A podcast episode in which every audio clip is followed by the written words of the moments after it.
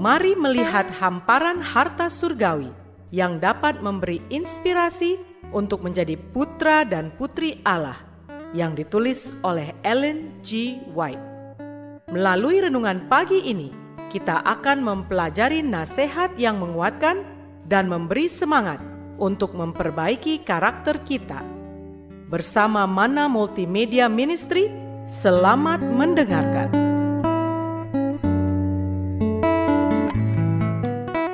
Shalom, selamat pagi saudaraku. Renungan pagi kita hari ini, 23 Agustus berjudul Bagi kita Kristus memikul salib.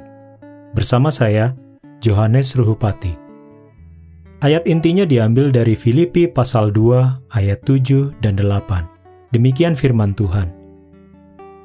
Melainkan telah mengosongkan dirinya sendiri dan mengambil rupa seorang hamba dan menjadi sama dengan manusia dan dalam keadaan sebagai manusia, ia telah merendahkan dirinya dan taat sampai mati, bahkan sampai mati di kayu salib. Mari kita dengarkan penjelasannya. Karena sukacita yang ditetapkan di hadapannya, Kristus menanggung salib, tidak mengindahkan rasa malu, dan selamanya berada di sebelah kanan Allah. Dia mati di kayu salib sebagai korban bagi dunia, dan melalui pengorbanan ini, datang berkat terbesar yang dikaruniakan Allah, karunia Roh Kudus. Berkat ini adalah untuk semua orang yang mau menerima Kristus. Dunia yang jatuh adalah medan pertempuran untuk konflik terbesar yang pernah disaksikan oleh semesta surgawi dan kuasa-kuasa duniawi. Itu ditentukan sebagai lingkungan di mana akan diperjuangkan perjuangan besar antara yang baik dan yang jahat, antara surga dan neraka. Setiap manusia berperan dalam konflik ini. Tidak ada yang bisa berdiri di pihak netral. Manusia harus memilih apakah menerima atau menolak penebus dunia. Semua adalah saksi, apakah bagi Kristus atau melawan Dia. Kristus memanggil mereka yang berdiri di bawah panji-panjinya untuk terlibat dalam konflik dengannya sebagai prajurit yang setia, agar mereka dapat mewarisi mahkota kehidupan. Mereka telah diadopsi sebagai putra dan putri Allah. Kristus telah meninggalkan pada mereka janjinya yang pasti bahwa besarlah kelak upah di kerajaan surga bagi mereka yang mengambil bagian dalam penghinaan dan penderitaannya demi kebenaran. Saudaraku yang dikasihi di dalam Tuhan, salib Golgota menantang dan akhirnya akan mengalahkan setiap kuasa duniawi dan neraka. Di salib berpusat semua pengaruh, dan darinya semua pengaruh keluar. Itu adalah pusat daya tarik besar, karena di atasnya Kristus menyerahkan hidupnya untuk umat manusia.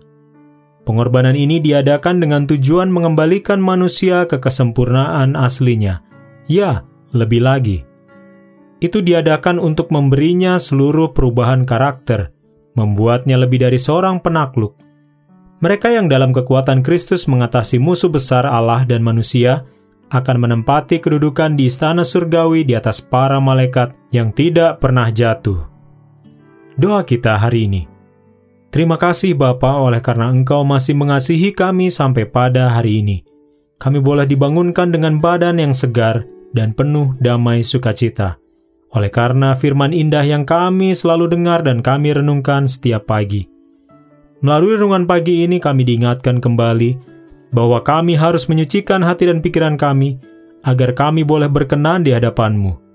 Bersihkanlah ya Bapa segenap pikiran dan hati kami dari perkara-perkara duniawi yang tidak sesuai dengan kehendak-Mu. Biarlah kami mempunyai suatu integritas sebagai anak Tuhan yang harus menjadi terang bagi orang lain yang ada di sekitar kami. Tolong ajar kami hari demi hari Bapa, agar kami boleh menggunakan segenap waktu dan kehidupan kami hanya untuk kepentingan surgawi, gantinya kepentingan diri kami sendiri. Bertahtalah dalam hati dan pikiran kami ya Bapa, ubahkanlah kami, biarlah Engkau membuang segala sifat keakuan kami, sifat-sifat mementingkan diri sendiri, dan Engkau boleh gantikan dengan karakter yang baru, yang sesuai dengan kehendak surgawi, agar kami boleh berkenan di hadapan-Mu. Terima kasih Bapa, inilah yang menjadi seru dan doa kami.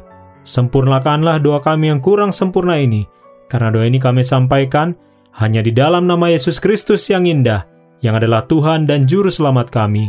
Haleluya. Amin.